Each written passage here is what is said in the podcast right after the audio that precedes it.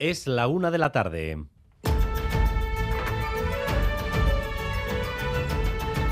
Crónica de Euskadi con Dani Álvarez. A Rachaldeón, tres fuegos han desbordado a los servicios de extinción esta mañana en Vizcaya. Tres incendios que gracias al rápido despliegue y a la dirección de los vientos han podido ser ya controlados sin ocasionar víctimas ni daños graves en zonas urbanas, pero sin duda metiendo mucho miedo a primera hora de la mañana.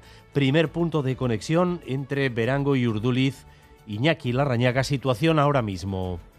Pues tras calcinar durante seis horas un número indeterminado de hectáreas de monte entre Verango, Sopela y Urduliz, este incendio está a punto de darse por controlado. Las descargas de agua de los dos hidroaviones sobre las llamas ha resultado muy efectivas y además la meteorología ahora mismo ayuda, apenas sopla el viento, lo que está favoreciendo los trabajos para controlar el fuego. Pero mucho ojo porque dentro de unas horas por la tarde-noche se esperan fuertes rachas de viento que pueden reavivar las llamas. En la zona entre Archanda y Loyu, otro incendio forestal se ha acercado peligrosamente al corredor del Chorierri en el camino hacia el aeropuerto, pero se ha podido extinguir con rapidez. ¿Qué imagen queda? Xavier Madariaga. Aquí en Loyu ha sido hora y media de incendio en una de las laderas de eucaliptus que dan al corredor del Chorierri. Ahora mismo el fuego está totalmente extinguido. La última de las tareas ha consistido en quitar vegetación y humedecer las zonas aledañas al bosque incendiado. Los bomberos se han ido hace un par de horas y los cinco forestales que se han quedado de retén recogen todo para abandonar el foco del incendio de Loyu de un momento a otro. Y en la arboleda, el primero de los incendios que nos sobresaltaba esta mañana, tenemos fuego en una zona de monte alejada del casco urbano. El fuego sigue activo, pero también está perimetrado. Natalia Díaz, adelante. Sí, el fuego efectivamente sigue activo, pero hace cuestión de una hora se da por controlado y también perimetrado.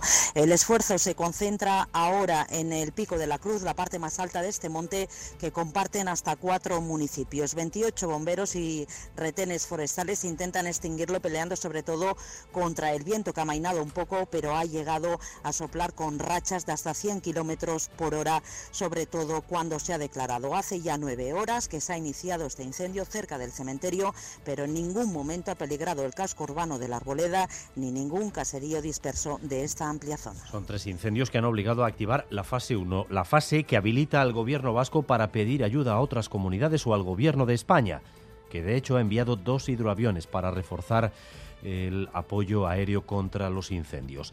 Seguimos en alerta naranja y así vamos a continuar al menos otras 48 horas, con temperaturas muy altas, de récord histórico en nuestro país, y con vientos que alimentan estos fuegos que algunos expertos llaman de nueva generación, incendios que en muy poco tiempo se extienden de manera explosiva, como en el caso de Balmaseda incluso dando la sensación de que aun siendo un único foco podrían ser varios simultáneos. José Antonio Oranda y Julen Recondo dicen que esta sequedad, unida a montes con eucalipto y pino, son abono para las llamas. Ese viento es capaz de arrastrar partículas que todavía están ardiendo, pavesas se llaman, son capaces de volar cientos y cientos de metros y generar nuevos focos y en muy pocos minutos. El eucaliptus es una especie de pirófila, ¿no? Es decir, que eh, tiene un grado de inflamabilidad o sea, de, muy, muy importante. La propagación tan rápida pues tiene que ver un poco con, con, especies de crecimiento rápido como son el pino radiata y, y el eucaliptus. Y además, los usuarios de la banca online de Cuchabank no pueden usar el servicio desde hace un par de horas. Ha caído el sistema, ni Bizum ni transferencias nada. Ander López Lerena. Así es, ni tan siquiera consultar el estado de la cuenta corriente a través de la app o de la página web. Desde la mañana los clientes de Cuchabank están teniendo problemas para acceder a los servicios de la banca online. La entidad bancaria avisa que sus servicios informáticos se están trabajando para solucionar cuanto antes la incidencia. Vía de agua en el grupo Mondragón. Además de Orona, ahora Ulma se plantea salir de la Unión de Cooperativas.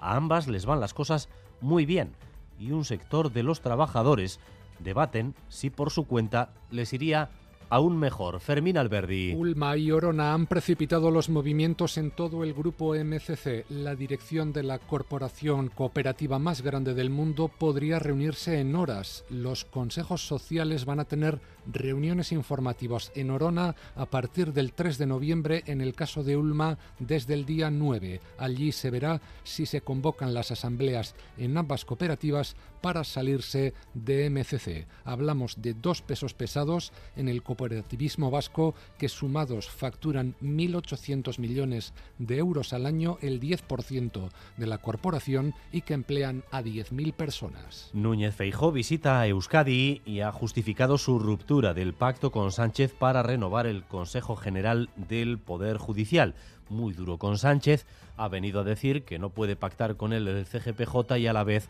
reformar el delito de sedición con Esquerra. Pero muy suave con el PNV, ni críticas al pacto sobre el cupo, ni contra las elecciones vascas, deshielo, pero solo eso, cordialidad. Una toma de contacto y una reunión de dos políticos que creemos profundamente en la autonomía de nuestros territorios, una reunión cordial donde eh, pues las posturas del PNV y del PP pues son muy distintas. Veníamos de una época, vamos, podemos decir, de hibernación de nuestras relaciones eh, políticas, pero esto del calentamiento global también parece que ha afectado a nuestras relaciones y esa, esa, esa glaciación que teníamos pues se ha ido derritiendo los efectos del calentamiento global.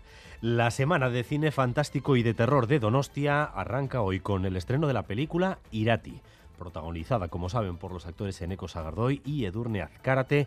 El segundo largometraje de Paul Urquijo es una película de espadas y brujería ambientada en la época de la batalla de Roncesvalles.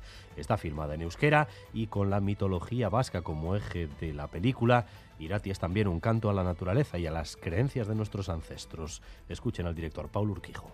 La película habla mucho de, una dualidad que la tenemos, por ejemplo, entre los dos personajes. Ineco es un joven cristiano recto, eh, Irati es pagana, representa la naturaleza. Eh, tenemos el cristianismo, el paganismo, tenemos la naturaleza y la sociedad, dos mundos que se encuentran, pero que a la vez también se funden de alguna manera. Por ejemplo, Mari se ha mantenido como un cuento, pero que realmente es una diosa y es la madre tierra. ¿no? Y vamos también con lo más destacado del deporte, con Álvaro Fernández Cadierno. León, Álvaro. León con la Real volviendo de Chipre tras conseguir ayer una victoria importante, la quinta consecutiva en la Europa League. Se quedan a un pasito para estar en octavos. Eh, incluso la derrota por un gol el jueves en Anoeta frente al United les valdría para conseguir este resultado. Y antes, esta tarde en la Euroliga, Asbel Villerben, Basconia, cuatro victorias los vasconistas, una sola los franceses. Un punto de atención en las carreteras ahora mismo en eh, la Guipúzcoa 26-20 en Arrasate, sentido Arechavaleta. La Erzaincha está allí dando paso alternativo en el tráfico, Guipúzcoa 26-20 en Arrasate, sentido Arechavaleta, por la avería de un camión. Y en cuanto al tiempo, pues nada nuevo. Seguimos con calor, con viento sur, valores cercanos a los 30 grados el cielo nuboso y sin rastro de lluvia, al menos hasta el lunes. 26 grados ahora mismo en Bilbao o en Bayona, 24 Donostia, 23 Vitoria-Gasteiz, 22 grados de temperatura en Iruña. Gracias un día más por elegir Radio Euskadi y Radio Vitoria para informarse. Raúl González y José Ignacio Revuelta se encargan de la dirección técnica, a Itziber Bilbao de la coordinación. Crónica de Euskadi con Dani Álvarez.